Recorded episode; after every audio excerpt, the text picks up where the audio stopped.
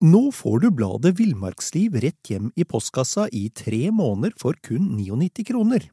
I Villmarksliv kan du lese om norsk natur, ærlige tester av klær og utstyr, og mange gode turtips skrevet av erfarne friluftsfolk, fiskere og jegere. Send SMS VILL36 til 2205 og motta bladet allerede neste uke. Lev livet villere med bladet Villmarksliv. There's never been a faster or easier way to start your weight loss journey than with PlushCare. PlushCare accepts most insurance plans and gives you online access to board-certified physicians who can prescribe FDA-approved weight loss medications like Wigovi and Zepbound for those who qualify.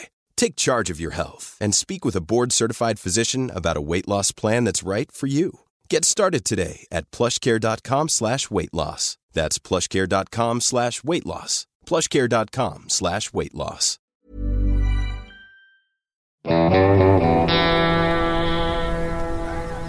Velkommen til podkasten Villmarksliv. Mitt navn er Knut Brevik, og jeg er redaktør i Villmarksliv, jakt og Otto fiske.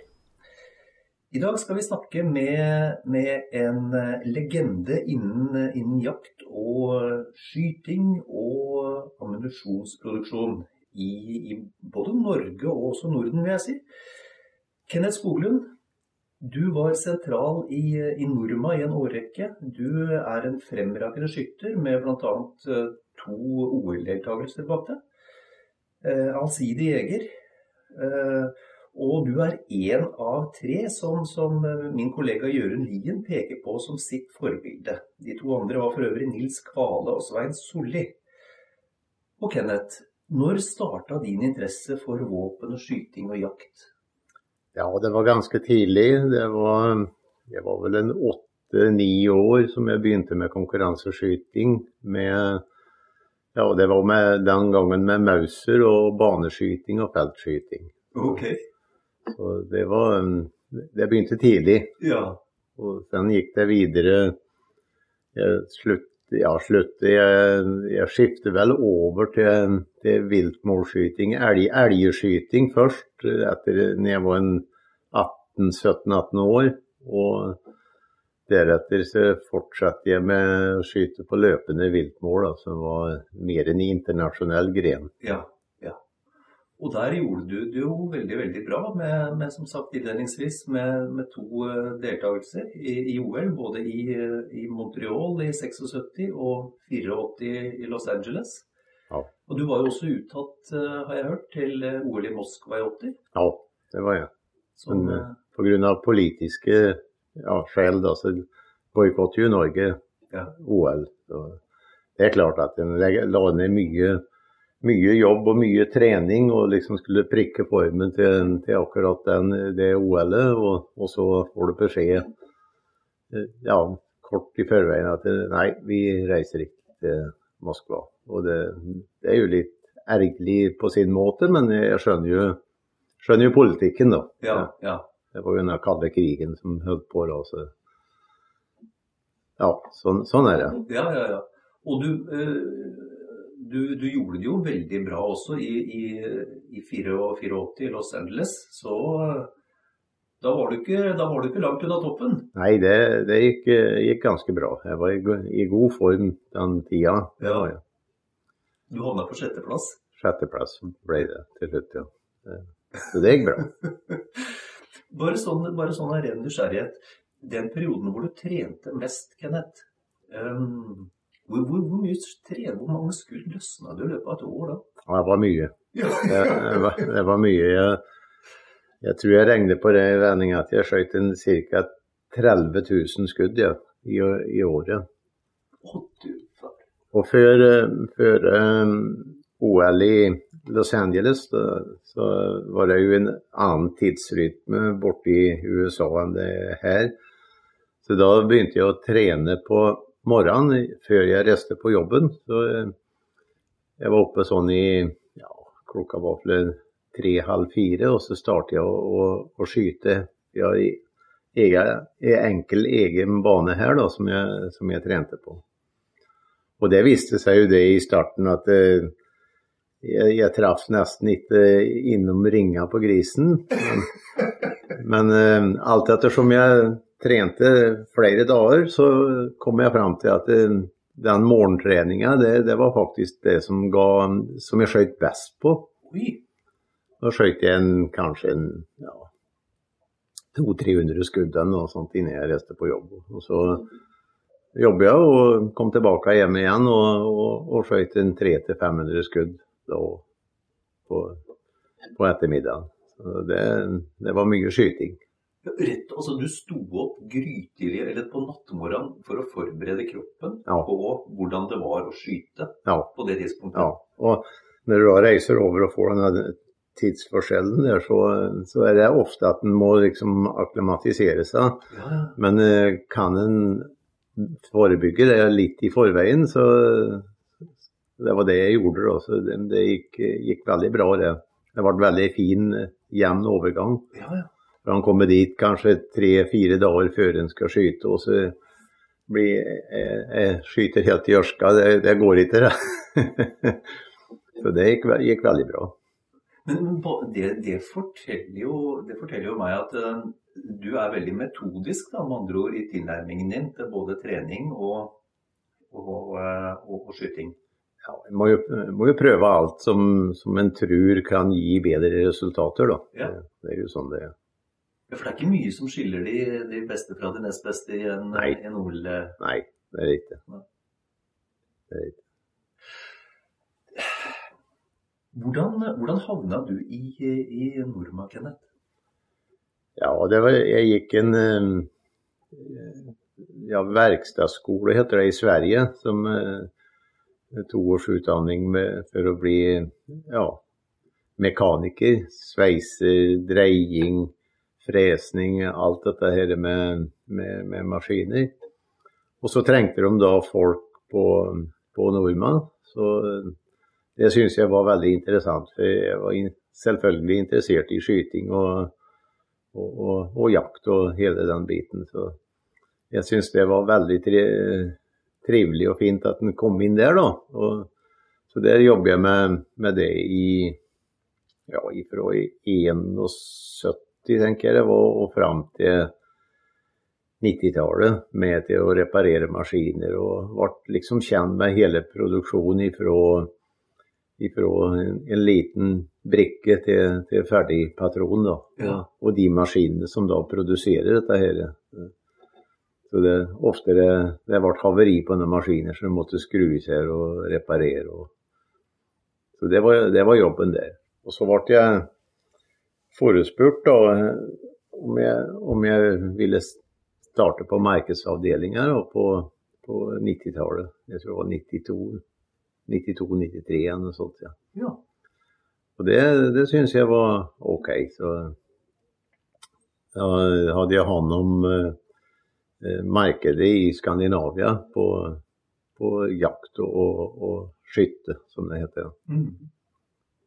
Og ja, jobbe der fram til til nå for en par år siden da jeg gikk i pensjon. da. Ja. Og, og på markedsavdelingen, hva hva sto jobben av der? Nei, Det var til å selge produktene ja, som typ til Norge. Da. Det var, var jo Norma AS som var importør av ammunisjon i Norge. Og, og Sverige da, hadde flere distributører, så det var til å selge frem til de, og, og så være med på messer, selvfølgelig, og, og vise frem produkten. Så ja, var messer litt overalt, da, både innland og utland. IVA-messa og shortshow i USA og disse her. Samtidig da, fikk en da se hva de andre hadde og lanserte på markedet. Da, så det, det, var jo interessant. Ja, ja. Holdt jeg på å si, hva har, har, nordiske eller norske og svenske, finske jegere har de andre krav til, til ammunisjon enn en andre, andre områder i verden? Ja, det, det, er jo litt forskjellig. da. Det, vi har jo dette her med anslagsenergi på storvilt. da. Det, og den er jo likt, kan du si, i, i de skandinaviske landene. Men eh, kommer du til ja, Australien, England eksempelvis, eller ja, USA, så er ja, der er det litt, litt forskjell, da. Det er liksom ikke de kravene Du, Du bruker, det. du bruker stort sett det du har, men de kan da skyte med lette kuler og høy hastighet. eh, Og vi har jo ute her i landet ikke lov til å bruke så lette kuler da, som, som de bruker. da. Nei. Men det fungerer jo begge deler. Det er bare at en må, må bruke huet når en skyter, da, så en ikke, ikke skyter med lette kuler og, og, og dårlige vinkler. Det, det går ikke. Nei. Jeg tenker på, um, på, på, på Norma Oryx. Uh, en fantastisk suksess. Og den mest brukte jaktkula i Norge de siste mange åra. Mm. Når dukka ideen til den opp, og, og hvordan var prosessen fra idé til ferdig produkt der? Ja, vi, vi har jo produsert kan du si, konvensjonelle kuler. da. Vi hadde Alaskan som en gammel tradisjonskule. Og så kom Vulkan i 1980. Og vi skulle ha fram noe nytt på, på markedet. da. Så eh, kikker vi over eh, og så at det var en del eh, amerikanske produsenter, som, små produsenter, som hadde laga kuler som er sammenlodde med bly og mantel. Og da tenkte vi at det, det må jo være tingen å, å ha sånne. Så vi testet noen sånne kuler og skjøt i gelatin og så at de, de fungerer bra. De virker bra. Så eh, ja, konstruerer vi Oryx-kula på den måten, og at vi, vi, vi drog fram en kopp med li, kanskje litt tjukkere mantel enn den tradisjonelle, vanlige kula, og, og så la bly i koppen og, og smelte dette her sammen i Ja, så den ble fylt med, med, med bly, kan du si, som, som da fester mot mantel.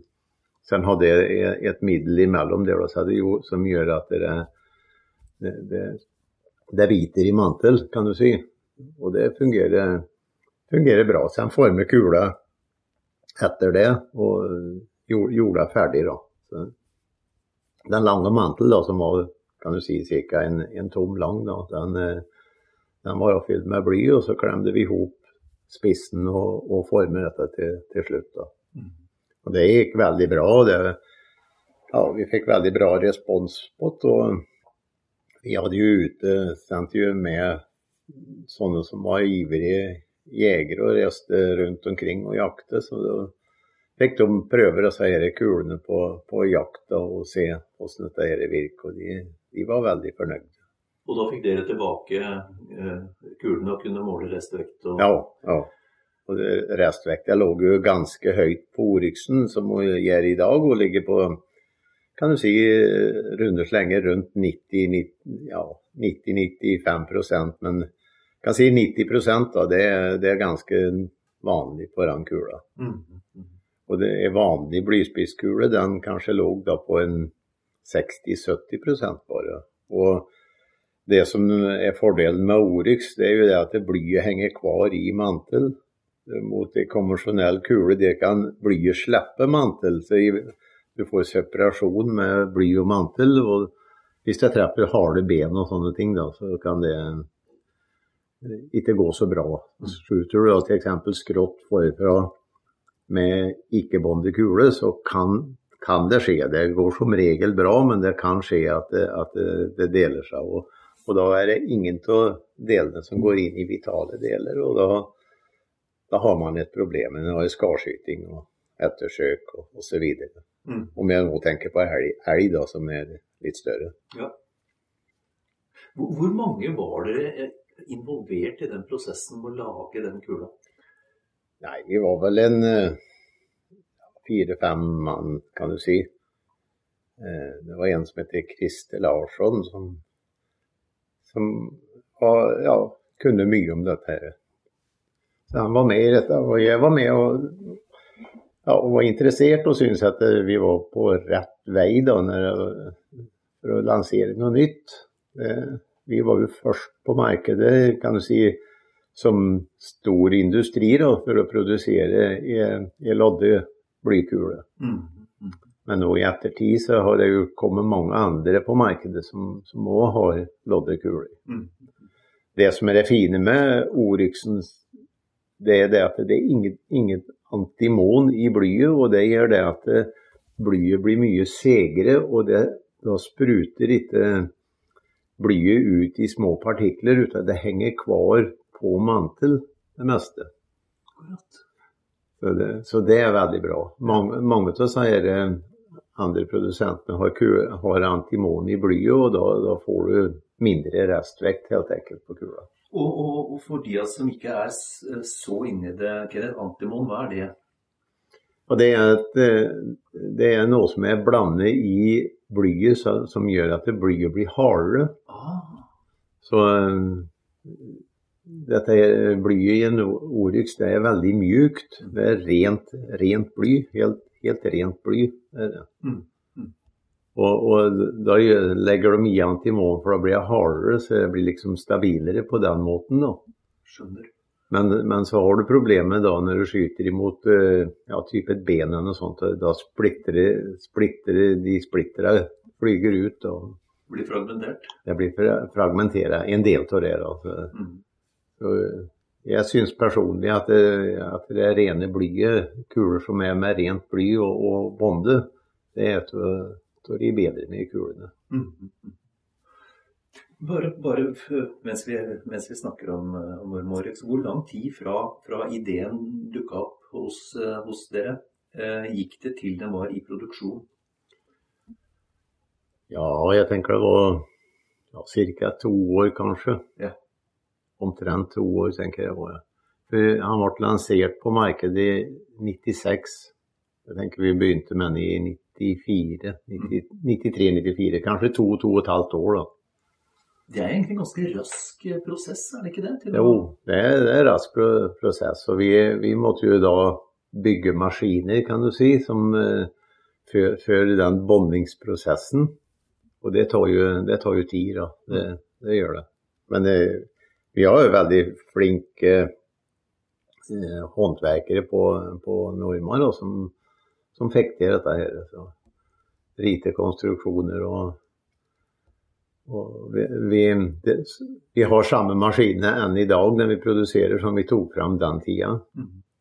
Og det går på induksjonsvarme, kan du si. At det, mantlene ligger i, i, i, i en beholder, kan du si, et keramikkblokk med, med, med blyet i, og så går det inn på induksjonsvarme, så du kan styre dette her helt nøyaktig. Når mantel forlater eh, induksjonsvarmen, så kan du se at det da, da liksom grepper blyet mantel veldig fint. da.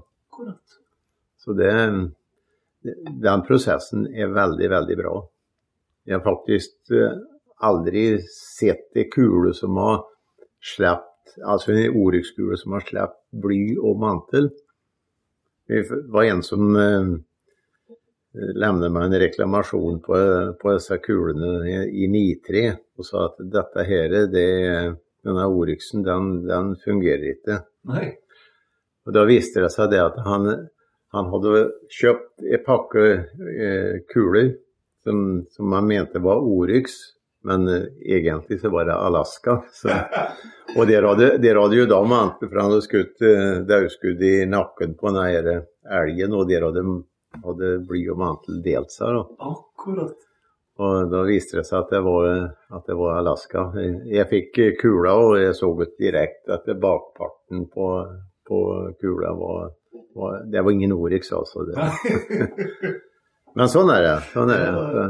Men eh, de kan jo bli veldig deformerte, sånne Oryx-kuler. Og hvis du treffer ben, så er det ikke bestandig at de ser ut som en fin sopp. Men, eh, men de henger sammen i alle fall og, og gjør jobben. Mm, mm.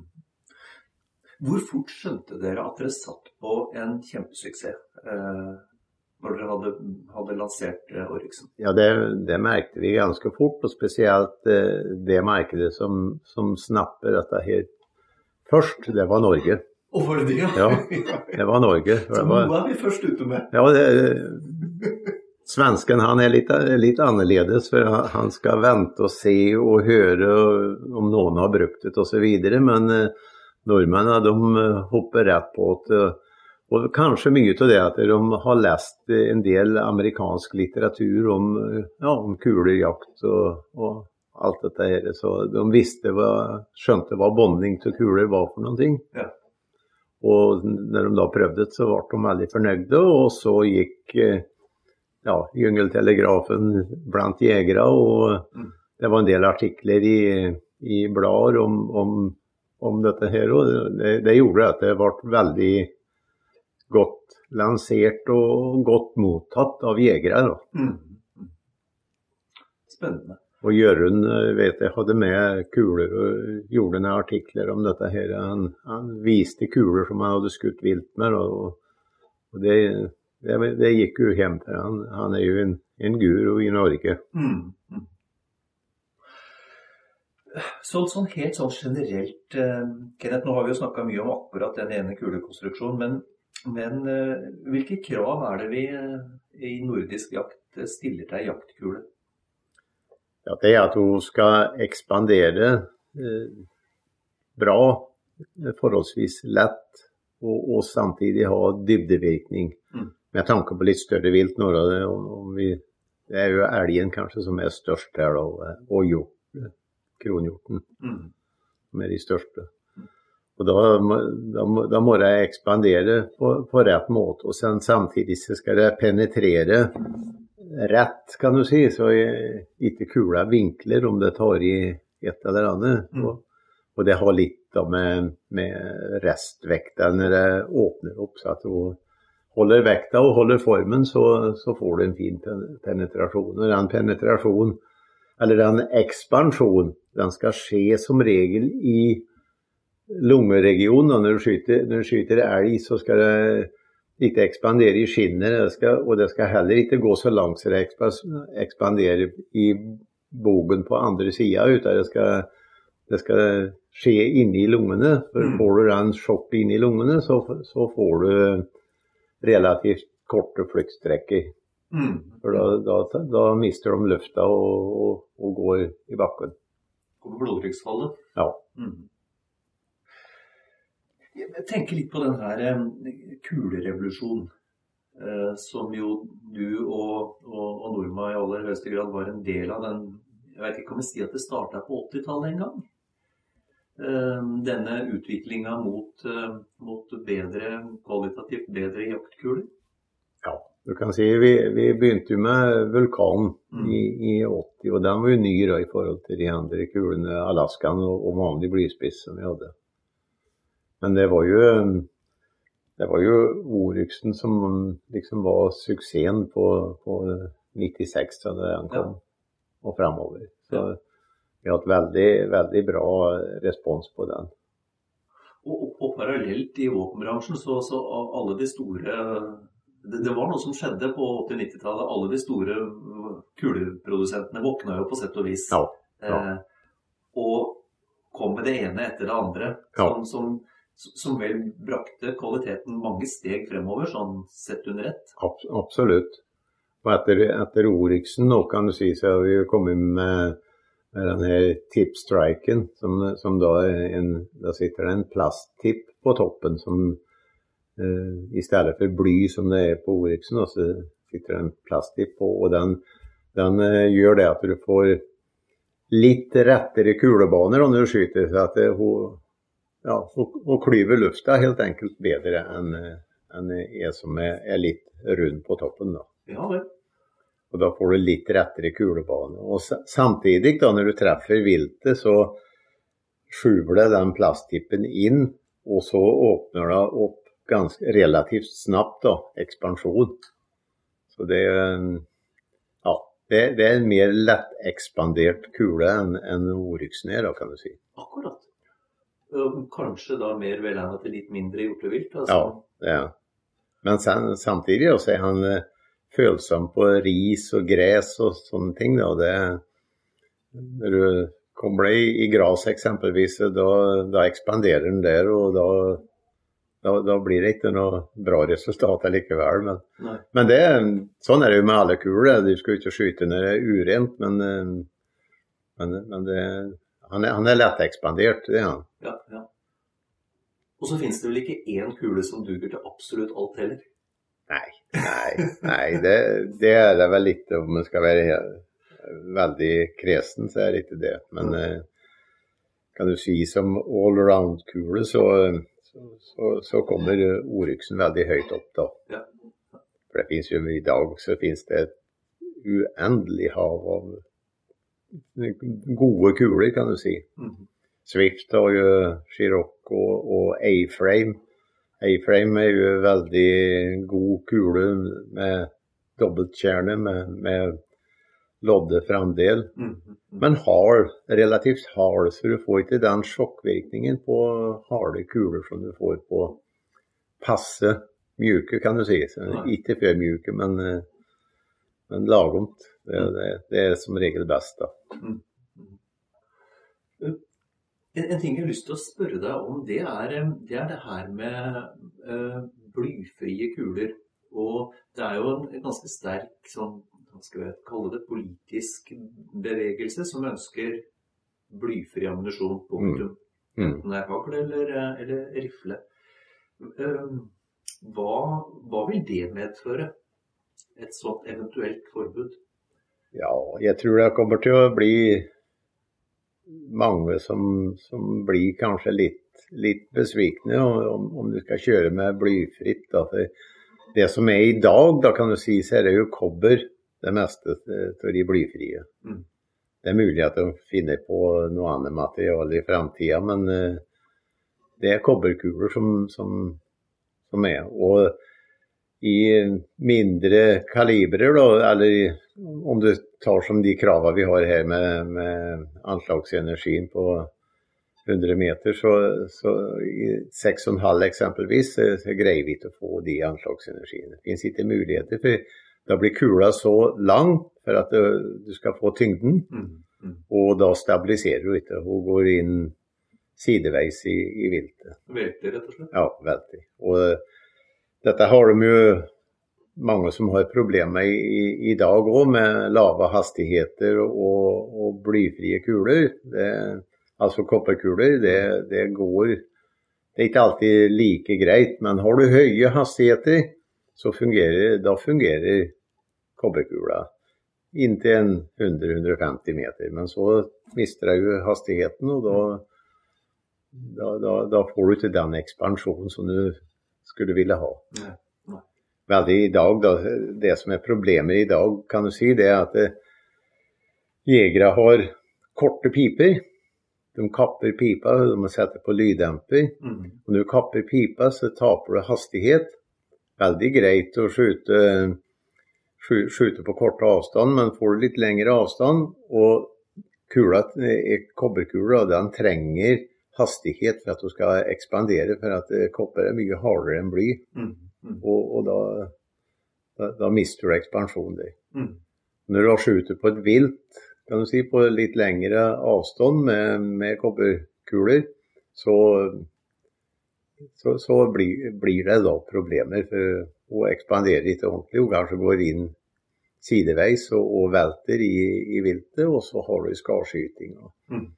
Så jeg ser, jeg ser det litt som en lidelse av viltet når vi i dag har bly som fungerer bra, mm. og blyet gir bra sjokkvirkning og ja, dybdevirkning og alt på, på viltet, så at det, det, dør relativt raskt. da. Mm, mm. Og skaden som den som eter kjøttet, den eh, ja, Jeg tror de, de, som jager og har skutt mest med blykuler, de tror jeg lever lengst, om jeg skal si det sånn. det, dere, ja, de har jo gjort veldig mye forskning med dette med, med, folk, men jeg tror ikke de som inneholder mest bly, det er ikke jegere i alle fall. Det, det er kanskje de som bor i store byer og sånt som har dratt i seg. Mm. Så dette dere syns jeg personlig er litt overdrevet, mm. den biten her.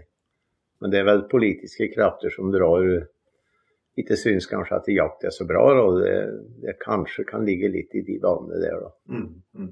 Ja, for det er klart Hvis vi snakker om restvekter på la oss si rundt 90 da oppover mm. vanlig brukt kule, ja. så, så, er det jo ikke akkurat sånn at det det er ikke den helt store blyspredningen vi snakker om. Nei, det er ikke det. det, er ikke det. Og normalt sett når du skyter et vilt, eh, så skjer du bort det, det blodriset som blir rundt, rundt eh, sårkanalen. Mm. Når du skåret vekk det er kanskje la oss si et spørsmål om 10, maksimalt 10 cm eller noe sånt eller rundt der. Mm. Og det, det, da har du fått vekk eventuelle splitter der. Men du, du, må, du må undersøke nøye om du skal finne noen blysplitter i dette. her. For det meste av blysplitter sitter som regel i lungepartiet der, der hun har startet å ekspandere. Ja. Om du, om du skjuter elg, da, i hvert fall. Så. Mm, mm. Så det, jeg, jeg syns dette her er en ja, veldig, veldig overdrevet, hele, hele, denne pakka her med, med dette her. Mm, mm. For så metallisk bly, om du òg skulle få i deg metallisk bly, og, og, og du får i deg et sånt blyfragment, så passerer det gjennom kroppen uten at kroppen hinner å ta opp store deler av dette her. Og det, det er stor forskjell på metallisk bly og bly i gassform. Mm. Det er veldig stor forskjell. For det, det er farlig, mm. jeg tenker gassform mm. til bly. Ja. Men det er to vidt forskjellige? To vidt forskjellige. Dette er metallisk bly. og ja, metallisk bly er, det, det, er bra, det fungerer bra til, til jakt. da. Mm, mm. Ta som uh, hagl eksempelvis. Uh, jeg skulle utlevere en, en harejeger som hadde vært i 40 år en gang innan han hadde strøket meg hvis det hadde vært farlig. For. De skjøt hare og de skjøt fugl. Hadde denne gryta stående på, på, på svartommen og, og, og surre og koke hele dagen. Mm. Og, og, så åt de dette kjøttet etterpå. Mm. Og spytte ut noe hagl i ny og ne. så, så det, det, er litt overdrevet, syns jeg. Ja, ja. Du, mens vi er på det her, du nevnte det sjøl det her med blodslått kjøtt. Eh, hvor mye, hvor stor rolle spiller kula for mengden Mange jegere er jo så opptatt av det her med, med, med kjøttødeleggelser. Mm. Kjøtt. Hvor stor rolle spiller kula etter din oppfatning? Ja, det er jo det er jo kula, kan du si, eller det er levetida etter det du skyter på viltet som regel, som, som gjør at det blir så blodslått rundt. da. Mm. For lever viltet lenge så det ligger og, og, pumper blod, eller hjerte, hjertegård kan du si, så, så, pumper det rundt i blod. Og da, da kommer det ut i, i hinner. Mm. Mm. Så ofte om du bruker harde kuler da, så, som ikke gir sjokkvirkninger, så, så får en ofte sånne blodutredelser. Mm. Mm. Jeg vet sjøl jeg, jeg, har skutt med ja, harde kuler og skutt elg med. Og, og, så går de av sted og kanskje går en 100 meter. Og, og, og, og, da får du da, da får du blod i, i mellom hinnene, kan du si. Så. Det sprenges utover, ja. Ja, mm. det gjør det. Uh, hva, du, som, du som har uh, jakta masse, du har uh, ditt, hele ditt yrkesaktive liv jobba med kuler og ammunisjon. Hva er, din, hva er etter din oppfatning den mest optimale kaliberet og kula for uh, la oss si elgjakt? Ja, det er mange som, som spør om kalibrer som den er ute, og hva, hva er den beste kaliberen? og da bruker jeg svaret det at det er den kaliberen du treffer med. Ja, ikke sant? For, for, det er liksom vitsen, vitsen med det at du, at du må plassere kula rett. Mm. Sensa har ikke størrelsen eller kaliberen så mye å si, da. Nei. Det har det ikke. Nei. Du har jo også magnumkalibre, ja, 300 og Winchester, og du har Weatherby-kalibrer som er, går med veldig høye hastigheter. Og det er vel greit på, på lange avstand, så, så, fungerer det bra. Men det, det, blir kanskje vel så mye på vanlig jakt, da, som om du sier elgjakt her i, Skandinavia så ja, skjuter du elg på over 100 meter. Så det, det er veldig sjelden du gjør. Det er som regel kort avstand på 40-50 meter som du, som du skjuter. og da, da trenger en ikke å ha noen sånne store kanoner. precis. Det, det går like bra. Men så kommer det andre viltarter da, som, som kanskje krever litt mer. Villsvin eksempelvis, som har kommet en del. og det, Da vil de gjerne bruke litt grøvere kalibrer. da. Mm. Som 8 og 9 millimeter, 9-3. Ja. Men til var, det som liksom teller, det er du skjuter jo griser med 6,5 veldig fint, og det er at du plasserer kula på rett, rett sted. Ja. Ja. Da, er det, da er det kvelden. Ja. Bruker du da et eh, kulevalg kan du si, til, til det du skal skjute, så ja, noen, noen vil ha lett ekspanderte kuler, og noen vil ha litt hardere kuler. Så kan du kan du laborere med det i den kaliberen du har, om du har en mindre kaliber. Mm. Syns du, syns du vi er flinke nok, vi jegerne, til å variere ammunisjonen og kulene etter, etter formålet? Ja, det, det, er vel begge deler, da. Det er, det er begge deler. Veldig mange som har brukt kan du si, vanlige blyspisskuler i, i, mange år, og de har vokst opp med det, og de har skutt i sine fire-fem elger med dette her. og og alderen er kanskje nærmere 70 år. og Jeg skjønner jo det at de, de ikke har noe lyst til å skifte og komme på alle disse nymotens ting, som det heter. Nei, nei, nei, Så det, det, det, det, er en del da som, som, kanskje kunne tenke seg å bytte. Men eh, ofte de yngre jegere de, de, snapper dette her ganske raskt. Og de leser mye i, i, i alt, både på nett og i blader og alt om dette her kulene. Så de, de snapper opp dette veldig fort. Mm, mm. Det gjør de. Og de er flinke til å, å prøve forskjellig og finne ut sjøl hva som er bra og ikke bra. Ja. Til den formen for jakt som de driver. Ja. Hva, hva er ditt foretrukne kaliber? Nei, jeg ja, Sjøl bruker jeg på elgjakt en 338 Winchester. Du er såpass, ja? Ja. Så, så, den har jeg hatt nå siden jeg, ja, jeg kjøpte rifla i, i, i Saco 75 akkurat når den kom ut. Så den har jeg brukt hele tida. Men eh, ja, ellers er det 6,5 jeg sverger til, kan du si. For jeg har òg drilling i 6,5, og den, det fungerer veldig, veldig bra. Ja. Du må, du må, trene mye når du har grove kalibrer. Det, det merker jeg sjøl. At, at rekylen, da, du blir, du blir skuddredd og du, du syns du gjør et godt avtrekk, og så sitter ikke kula i hele tatt det du mener. Nei.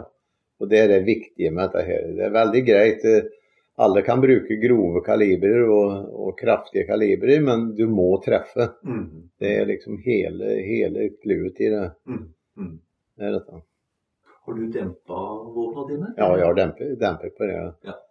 For jeg, merket jo i år jeg skjøt uten demper først. og, og skjøt på skiver, så skjønte jeg ikke Plutselig så fikk jeg et skudd som ikke satt der jeg mente skulle sitte. Og, men så satte jeg på demper, så jeg ble mindre rekyl.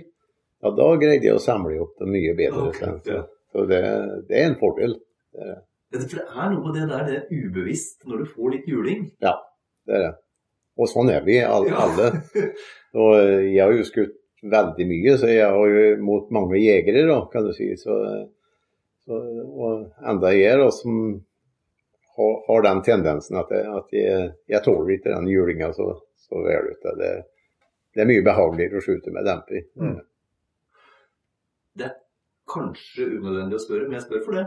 Um, hva slags kule er det du um, foretrekker?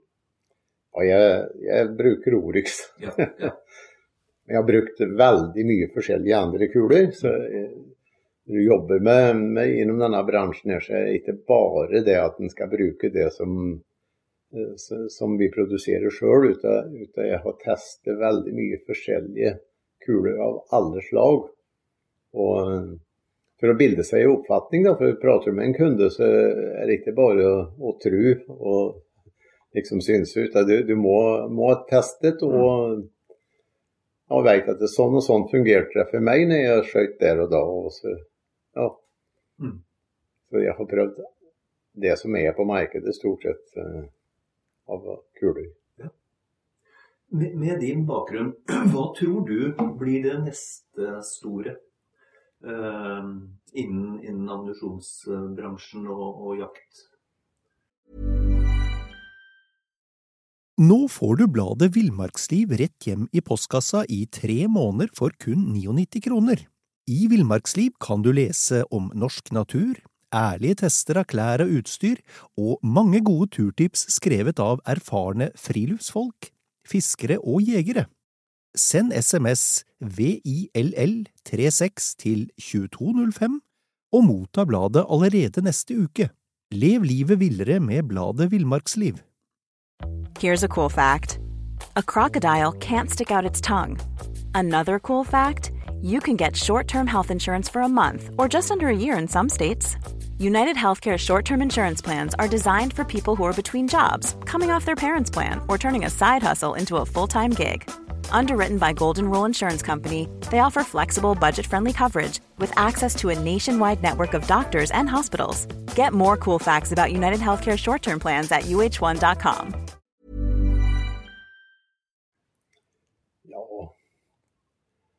det tør jeg ikke svare på. Jeg, jeg skulle tro at det de kommer med, med, med sikter, altså typ kikkertsikter eller sikter som, som, som, da stiller inn seg sjøl osv. De har jo gjort noen prototyper til dette. Mm. Så det er kanskje det som kommer, kommer nytt. Og sen, sen, så kanskje det kan komme noe nytt om det, om det nå blir dette med blyfritt, og om det kan få fram noen andre materialer. men som det ser ut i dag, så, så er det ikke noe på markedet som, som er brukende. Nei. Vi må snakke litt, litt, om jakt også, Kenneth. Du, du, er jo en allsidig jeger, og i hundegården her så står det jo jenter. Ja. Eh, men det jeg, skulle, det, det jeg, tenker på er, um, hva synes du vi jegere ofte er dårlige til når det gjelder uh, skyting, skyting og Ja, det dårlig og dårlig. Det, det, har jo blitt mye bedre i og med at de innførte denne storviltprøva. Mm. Så har jeg med åra blitt mye, mye bedre. For før da kom de på elgjakta med, med ja, gamle, gamle børser som ikke var i orden, da, med rustete løp og kikkert som satt løs. Og, og prøveskauterne så gikk i hytt og pine, og de kanskje ikke hadde skutt på mange år med, med denne rifla. Og det, det har jeg blitt bedre med på, på slutten her nå. Så nå, nå har de fleste jegere har veldig god ut, utstyr. og mm. det, de merker fort når de er på banen at kikkerten satt løs og det spredde veldig. Mm. Men det, det, som de Ja, det er disse her 30 treningsskudda. Det, det, er jo bare et minimum av det som de burde å skyte, syns jeg. Mm. Du bør, En vanlig jeger bør kanskje å skyte en 200-300 skudd uh, for, for, å, å være med og, og jakte, da. Og det som jeg syns er veldig fint, det er denne eh, type jaktfellskytinga som er på, tidlig på, på vinterstid. Er ikke rene jakt, kan du si. Det, da er det veldig fint at de er med på den og, og, og går sånne runder. Og, og da, da, har de òg innskutt rifle for at de skal treffe, kan du si. Så det, det, det, er, det er, veldig bra. Da. Det er veldig fin trening. Mm. Så det det skorter på mest, det, tror jeg er, er skytetreninga. Skyting og Skal du skyte godt, det er type en ferskvare, så du må liksom trene for at det skal, at det skal fungere. Det er ikke noe du kan, der, der kan du ikke skli på gammel Nei, nei, nei jeg gjør det ikke. Jeg merker det sjøl, at det, jeg skjøt veldig mye før, og, og skjøt relativt godt. Men i dag så, så, merker jeg at jeg har liksom Jeg vet hva jeg skal gjøre, men det, skiva står ikke rolig, om jeg sier sånn. skiva har begynt å flytte på seg. ja, det er det. Så, og det, det, har med trening å gjøre. Ja, For tren, treneren så, så blir en bedre. Mm. Og da samtidig der så, så innser du òg sjøl at eh, du tar ingen sjanser. Eh, For du veit det at eh, dette her var for langt hold, og jeg greide ikke å holde rolig, og da holder du igjen skuddet. Mm. Mm. Det skjønner du når, når du har trent en del og skyter litt. Men uh, den som kanskje ikke har gjort det da, så mye, den, den tar sjansen og skyter. Og det, det kanskje ikke alltid blir så vellykket. da. Nei. Jeg, jeg tenker det her med løpende vilt. Din spesialitet som konkurranseskytter var jo mål i bevegelse. Mm. Og det med å løsne, løsne skudd på storvilt i bevegelse er jo en diskusjon. Mm. Eh, hva tenker du om det? Nei, jeg, jeg rekommenderer titte. Det, det er vanskelig. Det er veldig vanskelig. Du må, du må vite omtrent hastigheten på, som den løper. Du må vite ganske nøyaktig avstand og hvor mye skal jeg holde fram her for at du skal få et godt skudd. Mm. Og hvor Er det rent her, eller er det urent? Det er liksom spørsmålet. Mm. på en stor elg og, og, og nære hold, så, så er det vel for så vidt greit. Men ellers er det bedre å skyte på vilt som står, står rolig. Det, Mm. det rekommenderer jeg absolutt. Mm. Mm. Går, eh, går du med hund nå, eller? eh? Ja, jeg har, jeg har hund, ja. Ja. Den slipper jeg. Jeg bruker som løshund. jeg da, Nettopp. Mm. Og da, da står som regel dyra rolig når den kommer inn på, inn på losen. Da. Mm. Hvis den kommer innpå. Det, det er jo det som er utfordringen der med vindretninger og ustabil vind som skifter. Så, så, så, så mister du sjansen ganske fort når det blåser i nakken. Da, jeg, da drar viltet av sted. det en ubehagelig følelse av vind i nakken. Ja, det, det er det når du har motvind hele tida, og så kommer du inn på ja, skuddavstand, kanskje du er inne på 30 meter eller noe sånt fra elga, og så snur vinden, og så får du den i nakken, og så, så er jeg borte med en gang. Men sånn er det. Det er, det er litt av jakta, det. Ja, ja, ja. det, gjør det. Jakter du, jakter du mye annet enn en eh, elg? Kenneth? Ja, og det blir ikke så mye annen jakt da. Det kan jeg være med på å jakte litt rådyr iblant. Og eh, ja, kanskje går etter noe, noe fugl. Det, det hender jeg, jeg må skyte en tiur så jeg har til nyttårsaften. Det, det, det er tradisjon da. Ja, ja, ja. Ja. Jeg så for øvrig et storfuglkull nede i veien der like før jeg svingte opp der. Ja, ja. ja se der, ja. Så det ja. finnes her slaget her. Ja, ja. Ja, det, jeg vet jeg, jeg har hatt eh, noen tiurer som har drevet og gått i veien her nede. Så det, det, det, jeg håper at det har vært et kull for deg. Ja. Ja, ja, ja. Hva, du har jo vært med på mye, men eh, går det an å plukke fram ett minne? Altså, hva er ditt sterkeste opplevelse fra, fra jakt, f.eks.? ja det, den fineste opplevelsen det er når du har eh, en god hund som i stålos. Jeg, jeg hadde en veldig fin opplevelse med, med en, en, ja, en brukende jente som jeg hadde. Og der, eh, den hadde gått ut, gikk ut med ei ku på morgenen og gikk ut ur området. Og vi fortsatte med jakta med andre hunder. Og så på ettermiddagen så fikk jeg inn på peilen, og da, da var han på vei inn i området igjen. Vi skulle postere ut poster, da. Og um, da gikk jeg inn på, på, på den losen og kom innpå, ja, jeg var vel en 100 meter ifra, eller noe sånt. Der. Og hun driver og skjeller på, på et dyr. Plutselig så kommer det den kua som gikk ut på morgenen, kommer opp imot meg, men det var ingen hund som loser på den. Kommer opp imot meg og steller seg ved sida av meg, ca. ti meter på sida av meg, og står der og ser ned på, der hunden loser. Og jeg tenkte da er, det, da er det sikkert et dyr til, med, jeg tenkte kanskje det er en kalv med, eller noe sånt. Nei da, der kommer det fram en kjempefin okse, en skovlokse. Og den jager hund og slår med skovlene imot hund, og han, han flyger rundt, rundt, rundt. og Jeg tenkte denne her, den var jo skytbar, så jeg kunne skyte den. Så jeg tenkte at jeg prøve å skyte ned i nappen. Men du vet, han, han slo etter hund sånn hele tida. Så, så det, det, det, gikk ikke noe særlig. Men så ble han ikke så opptatt av hund, men lurte på hvor er kua hen. Og kua sto igjen på sida av meg. Og da gikk han opp og så dro han åpent ved etter kua. Da, for det, det var ca. 70 meter mellom disse dyra, kan du si.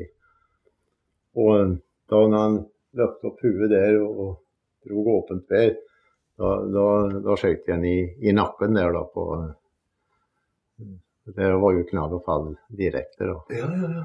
Så, så, det var en fin opplevelse, kan jeg si. Da, da fikk jeg òg hunden ut for jobben han hadde gjort. For han hadde drevet med denne kua hele dagen. Og da, da hadde Den var vel i paringstida, så, så da, da, hadde oksen slått seg med kua der, da, kan du si. Hvor stor var den oksen? Det var 16 tagger. Så det var, det var brukende. Ja, var det her i uh... Ja, det var det. Det var på svensk side her, på, oppe i Østmark. Ja. Du sier svensk side, og her vi sitter fra, fra, fra, huset ditt, så ser vi over på Sverige. Hva kan mm. det være? 100-150 meter? Ja, sånn 130 meter, ja. Mm. Og du, du, fortalte jo uh, tidligere i dag uh, Din far, han, han, var jo engasjert som grenselos. Mm. Ja. under hele krigen. Ja. Han, han, han ja, hjalp ikke bare folk, men det var jo den spesielle ja, Sønsteby og gjengen hans, Tjaukan som han heter. Mm, mm. Han, han, gikk over her Eh, hver gang han måtte rømme ut til Oslo. Da. Så gikk han over her og videre til Stockholm. Akkurat. Og denne ruta ble aldri oppdaga av tyskerne? Nei, det gikk bra. Under fem år så gikk det veldig bra. Far din var lommekjent? Ja. Han var, han var jeger. For her var det belegning med Svenske militæren var jo på andre sida her og hadde beleiringer, så det, det var, var full mye militære her. Mm. Og, og, så kom, kom, det jo tyske patruljer gående hele tida, og så var det en del lokale òg som, som, som, var anhørige til den, den tyske troen, da, eller nazismen, kan du si. Så, som òg vanker veldig mye. Så. så. han måtte være særdeles nøye med tidspunkter og Ja, ja. ja, ja. Det, var, det var, en, var en del episoder iblant som kunne være litt tøffe. Mm. Og så kom, var det òg gods som kom fra legasjonen i Stockholm, som skulle leveres på Kongsvinger for videre transport til Oslo. Eh, ja, mye pengetransporter og sånt, som, som, man da eh, måtte sykle herifra til Kongsvinger og, og levere. Da, da leverte han de på hos eh, en som heter Sverre Herdal, som du kanskje har hørt om den tida. Og sen gikk det videre inn til Oslo. Da. Ja, ja, ja. Det var jo manko både på penger og alt framfor alt våpen da, som de skulle hjemmefronten skulle ha. Mm, mm. Fantastisk historie. Ja, det er mye, mye om denne gamle historien. Nå kan ikke jeg alt, jeg har bare hørt det han har fortalt. Det, mm. Sønsteby har jo skrevet en del bøker, og der, der er jo med bilder herfra. Som rapport fra 24, som det heter. Ja, ja, ja. Den kan jeg rekommendere at du kan lese. Fantastisk, Kenneth. Ehm, nå har jeg, jeg ser også at det er en liten valp her, sånn at du, eh, du får åpenbart litt øre til høsten nå. Ja. det skal bli moro. Tusen hjertelig takk for praten. Takk så mye.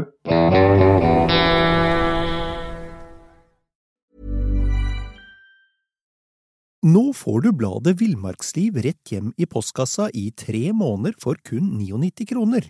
I Villmarksliv kan du lese om norsk natur, ærlige tester av klær og utstyr, og mange gode turtips skrevet av erfarne friluftsfolk, fiskere og jegere. Send SMS VILL36 til 2205 og motta bladet allerede neste uke. Lev livet villere med bladet Villmarksliv.